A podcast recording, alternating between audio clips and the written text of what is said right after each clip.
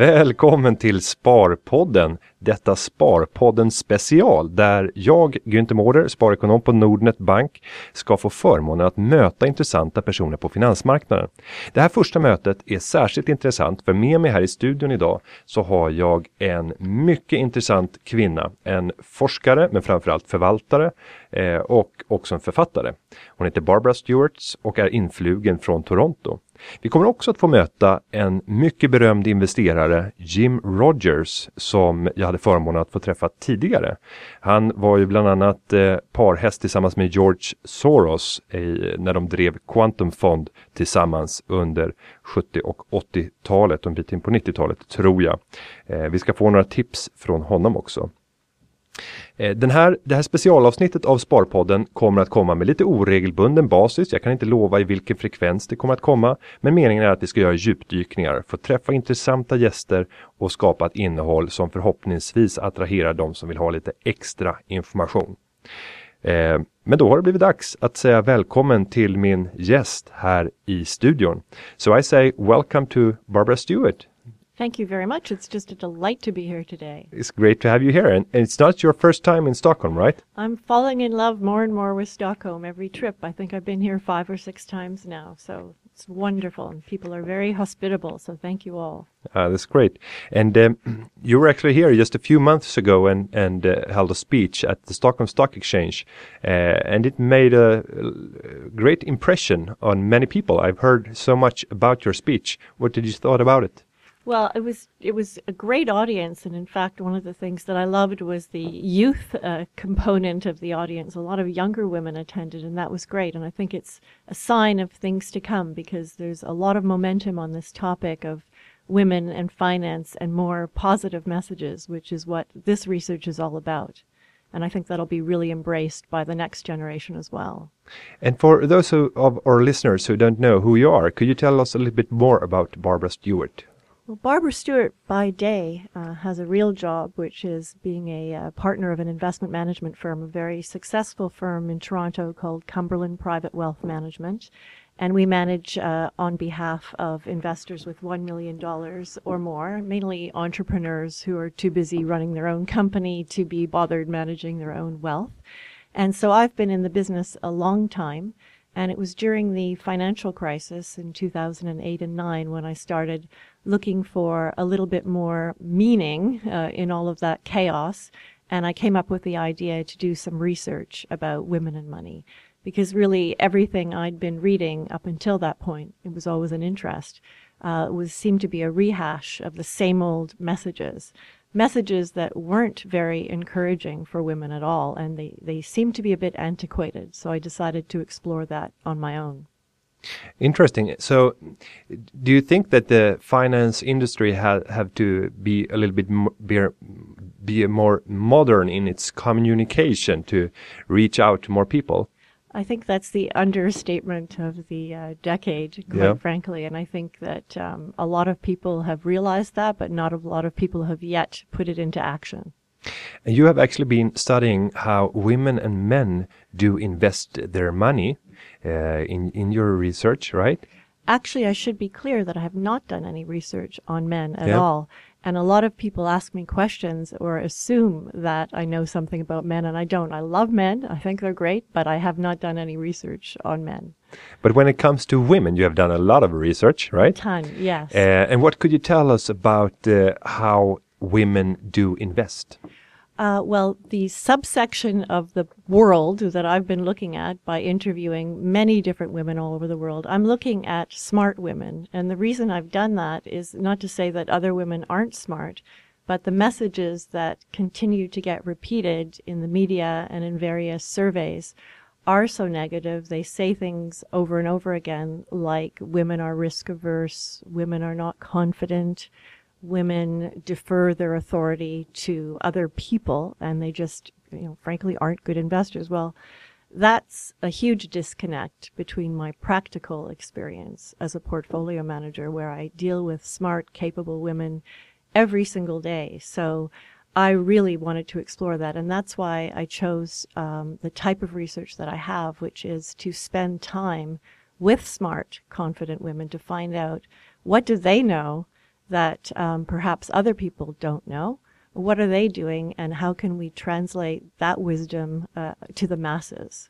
It must have been very interesting meeting all these people. Well, yes, it's been it's been uh, my passion. This is a I'll be starting the fifth year of doing this research around the world, and I try to make it as diverse as possible. So it's different countries, women in different professions, different age categories, and all of it's by what I call serendipity. So I don't just call people and ask to speak with them. I, I ask through other people if they know somebody smart and interesting in the country that I'm going to.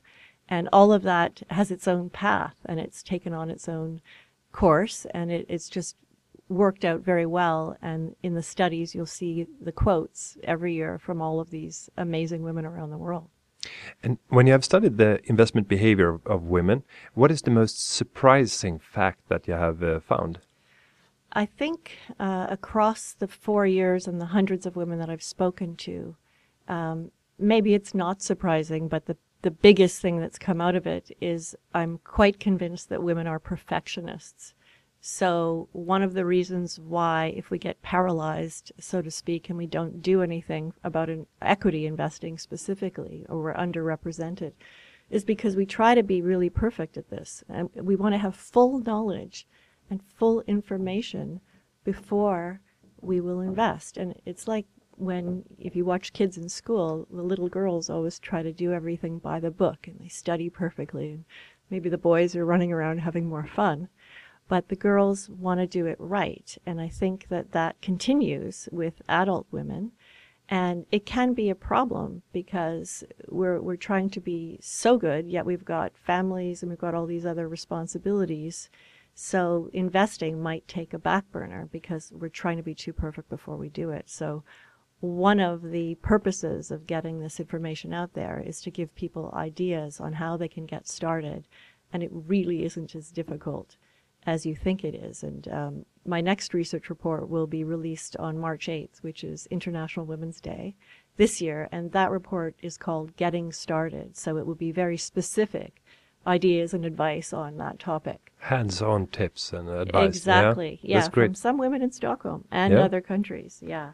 And and uh, if you look to the fact that that women tend to like to be perfect in in, in everything they do, uh, what happens with the self confidence when it comes to investment if you have such an approach? Well, that's a really good point because uh, an example I can give you is one of the women I interviewed last year was the head of the biotech practice at the largest law firm in Canada. She has an M, a master's degree in finance and a master's degree in economics from Harvard. And I asked her, "Are you confident handling your money?" And she said, "Oh, no, I'm I'm really not very good. I haven't taken enough time to learn how to do that." And you know, I had to laugh. Uh, yeah. She's obviously in the top 1% of people, female or male, in the world who would know something about managing money. She negotiates uh, sale of business and huge organizations every day, there's probably no one that should be more confident than her. But it's the way she was describing herself. And one of the key themes in my research in the first year was the language that women use when they describe themselves. So part of the confusion in many of the surveys and, and what I call the old data or the old information that's out there is that women tend to be self-deprecating. So even if you take a woman like that, who's, you know, running part of the world basically, she's still saying she doesn't know enough, or she's not good enough, or not confident enough. But if you look at her actions, you see something completely different. And so actions speak louder than words, and that's one of the, the largest themes that I'll be speaking about uh, in my presentation on tomorrow. What what could we do about it? I know that your research will will give some advice uh, what to do hands on, but could you give give us a, a teaser already? I think that the number one thing is generating awareness of the opportunity. I don't call it a problem. I call it an opportunity because it's a huge opportunity to say, well, here's what women are doing. Let's look at their actual behavior. And if we can get that information out there, then I think it encourages other women maybe not to speak of themselves in such a way. And then they'll be more willing to take positive actions and make investments. And so that's why I'm putting out these uh, quotes so that there will be ideas that we can grab onto and run with.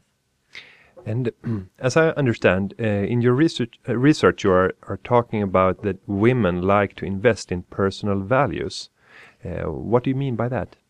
Well, the question that I asked, and I usually only ask one question per year just to make it easy and to hone in on one aspect of women and money. And uh, the year before last, I asked the question How are you spending your time, your energy, and your money?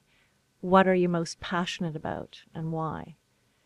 And if you take the time to reflect on that, even for yourself, um, you'll find that it leaps to mind most often, whoever you are that there is something that's very, very important to you. And what I learned um, through asking that question to hundreds of women around the world was that women like to invest in causes or concerns that are meaningful to them. So, for example, if uh, there's one serial entrepreneur, I call her in Stockholm here, and she is a multitasker like many women. So she has a business to run, she's got a family, she's got um, her workouts that she likes to do, and she travels. So she tries to combine all of those things. So she'll take her son to the workout facility with her. She'll talk business with her husband because he's kind of her business mentor. And when she's on vacation, she comes up with her brilliant business strategies. So it's all part of her life. But the number one thing is she's chosen to be an entrepreneur because it gives her the freedom to do this so she can run her company the way she wants to run it and she can travel wherever she feels like and she can spend her own money however she wants to do it. So that's just one example, but it's got to be meaningful to the women to actually make an investment. So more than half of the smart women that I spoke with were actually investing a huge amount of their own wealth in a cause or a concern. It could be their own company or something else that's of meaning to them. So it might not be going into the generic stock market per se, because that mm. doesn't mean as much.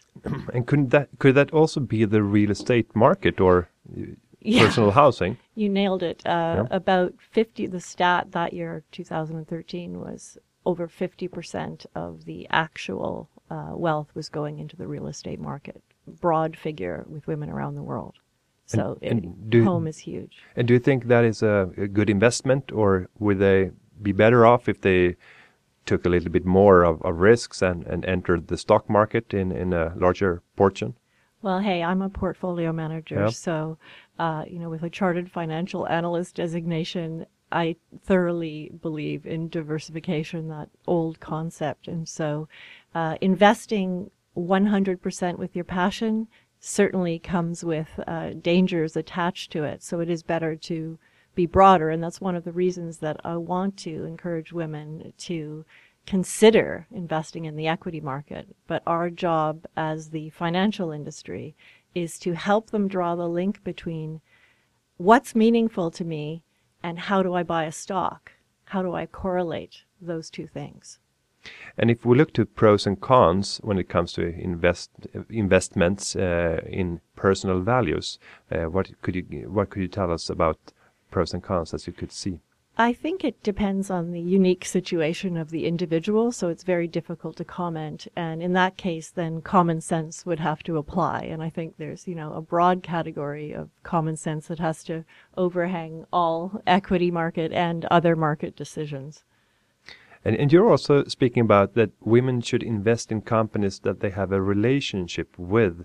Uh, for example, uh, companies that they are buying things from and so on. Uh, in, in Sweden, uh, there is a very huge company, H&M, which becomes larger and larger in world too. Uh, many women likes uh, to to uh, buy clothes from H&M. Uh, would you think that that could be a good investment for women that are doing their first invest, uh, investment in the stock market. I think that's a great example, but I need to be perfectly clear that um, talking about this is a way to get started, and this will be um, a big part of what I discuss in the research report that's coming soon. Um, but a way to get started is not to take all of your money. So let's be really clear. Take a small part of your money and think about where do you shop? If you're looking for ideas of what to invest in. So if you track your own spending habits and you're spending, you know, 10% of your income at H&M or somewhere else, well, that means something to you, obviously, or you wouldn't be doing it. So it makes it a little bit more personal, which is what women tend to like. So if you're getting started, you might want to buy that stock um, and see what happens. So just make sure that you don't put all of your money in that investment. It's just a way to get going and to get a feel for buying and selling stock. So I think those are great ideas because you'll be interested in the company because you shop there and you'll also simultaneously get a feel for investing and you'll start to think of yourself as an investor when you're buying and selling a company. Uh, so as as I can hear it, your first advice is to do it. Just do it. no. Don't wait to be be fulfilled with information and knowledge, right? You got it. So that perfectionist thing can hold us back. And so to jump off the cliff, an easier way to do that is to, to buy something that you're at least attached to in some way that's of interest to you, or maybe a company that you might understand a little bit better than others. And then, yeah, just buy a stock. And uh, how should you start? I mean, there are so many alternatives uh, when you decide start investing in stocks? Should you go to a traditional bank or should you go to an online bank? What is your well, thoughts? I, have got to say an online bank. Oh, thank you. Really, you know, uh, the easiest way to do it. In all seriousness, um, it's taking ownership of it. Uh, another thing to do that's really important is look for a role model um, or somebody that might be able to guide you. It's one thing to just go to the bank, but you might not um, feel an attachment to the person working in the bank. It's really nice if there's someone that you could trust, uh, a good friend that you know already invests. Uh, reach out and ask somebody to help you along and just open up an online account and get started that way. And in your, you're talking about um, a lot about sharing in, in your research, and, and that you should be sharing together with others. Uh, here at Nordnet, we are right now trying to make a new functionality where you actually could share your portfolio, as you can in, in the US, of TradeKing, I think it's a name, and eToro. Uh, so other people could be be able to see what you are investing in, and you could uh, say that I would like to follow this and that person. Uh, is this a, a great way for, for women to be inspired what to invest in or what I do you think, think, I think this is terribly, terribly exciting because yes, women love to share. And through the research I've done, there's the perfectionist theme, but there's also the women love to share thing. And so Facebook communities, anything online, this is the wave of the future. So uh, you guys are definitely onto something with that idea. Yeah, it's gonna be cool to, to release it in end of March or, or early in April. Uh, a few weeks ago, I had the privilege to meet uh, the famous investor Jim Rogers, uh, the investor that managed the famous Quantum Fund together with George Soros. As a last thing, I would like you to give some comments on the advice I got from him when he uh, when it comes to investment strategies. Uh, let us listen to what the, what advice I uh, had from from him. Well, the the only advice I would give is save your money. Uh, don't start investing in anything until you find something that you yourself know a lot about. Don't take hot tips from me or from Gunther or from anybody else. Don't get tips from the newspapers, the TV, the internet. Just keep saving your money until you find something. Now, everybody knows a lot about something, whether it's fashion or sports or cars. Everybody knows a lot about something. Stay with your passion, and when you see something exciting happening in the field that you know a lot about, start doing research and making investments. You'll know it before I will, because it's not my you, whatever your passion is is not my passion. You'll know it before I will. You'll know it before Wall Street knows it, and you'll also know when to sell before I will, because you'll see when the changes are coming, because you know more about it than anybody else. So just save your money. When you find an opportunity, take advantage of it, and act. But don't jump around based on hot tips. And, and if you look to private investors, uh, could you see uh, typical mistakes that uh, normally everyone does? Oh, the, the main one is they invest on hot tips and they're always jumping in and out. Especially after they have a success, then they start thinking it's easy. And they think, oh boy, this is easy. Find me another one. Find me another one That's a dangerous time. That's when you should go to the beach, you know, or close the windows and not look, not do anything. Be, be very, very careful after you've had a success. The main problem is people take hot tips, they jump in and out, they trade, they they overactive instead of most people make most money by doing nothing, being then waiting till you find something, and then do nothing again and let it mature, let the investment grow until it's time to sell. So doing nothing most of the time is the best way to make a lot of money. But it so, sounds like you have to have a lot of patience. Well, you do. I mean, I wish it were easy to get rich, you know, but it's not easy. You, it takes a lot of patience to be a great football player. It takes a lot of patience to be a great artist. It takes a lot of patience to be a great anything. You know, if you're going to be a great trumpet, a great violin player, it takes a lot of patience. You know, it's frustrating. It's hard. If you're going to build a great restaurant, it, you need patience. It doesn't happen overnight. And the ones who do make money overnight usually lose it. They yeah. suffer. And when you look back, back to your on your life uh, and uh, try to find the moments where you had the most happiness, um, what would that be? Oh, my little girls. I uh, was very much against children for all my life, and I was so wrong about uh, children. These little girls, 24 hours a day, seven days a week. There's nothing, nothing as exciting and as fun as my children. I was totally wrong about not having children everybody listening to this should uh, not should should have children someday. Wait till the right time. Definitely wait, but don't don't miss it. You know, if I hadn't eventually had children, I would have missed it, and I never would have known. And I'm telling you, don't miss it. And do you regret anything in your career? Oh, my first wife. you know, uh, yeah, plenty of I made plenty of mistakes. I think my worst mistake was my first wife, but uh, yeah, I, I regret every one of my mistakes. I wish I hadn't made them. Although usually, you know, you learn from your mistakes, and I guess I have learned. Even my first wife, I've learned from that mistake. So, but it would be easier if we didn't have to make mistakes. But then we'd probably, in the end, make even more mistakes because we would never have known failure. And so, so having failures are as, as painful and as difficult as they are, they're usually helpful in the end. Great, thank you. Back to Barbara Stewart. Uh, when you hear Jim Rogers, it sounds like uh, you have the same same thoughts uh, when it comes to in investment. What is your reflections on on uh, Jim Rogers' advice?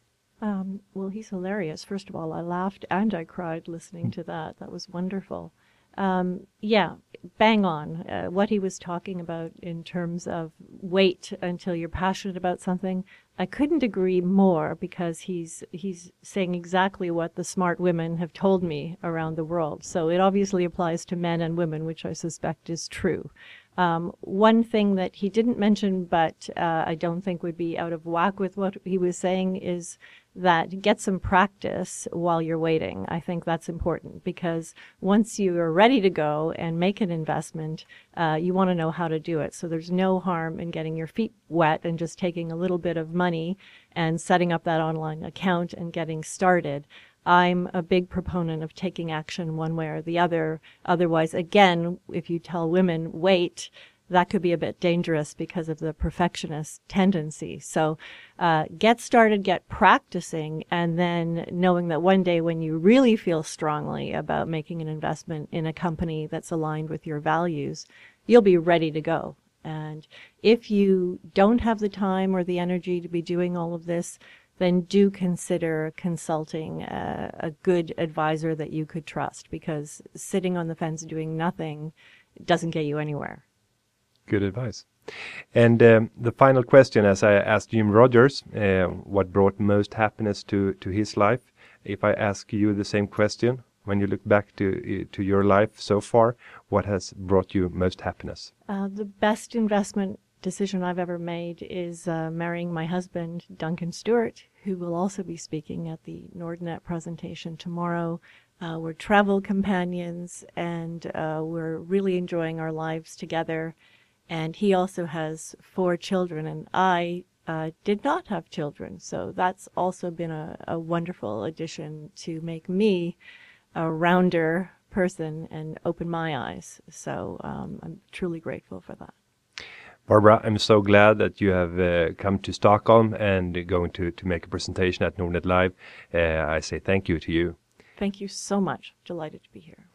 Ja, det här var Sparpodden special med Barbara Stewart och Jim Rogers. Eh, jag hoppas att kunna få återkomma med fler sådana här typer av inslag och skicka gärna förslag på gäster eller personer som ni skulle vilja att jag möter. Med det så säger jag tack för idag och jag ska berätta att den här podcasten har spelats in av Karin Bengtsson och klippningen är gjord av, eh, av Nicolas Contreras. Tack så mycket.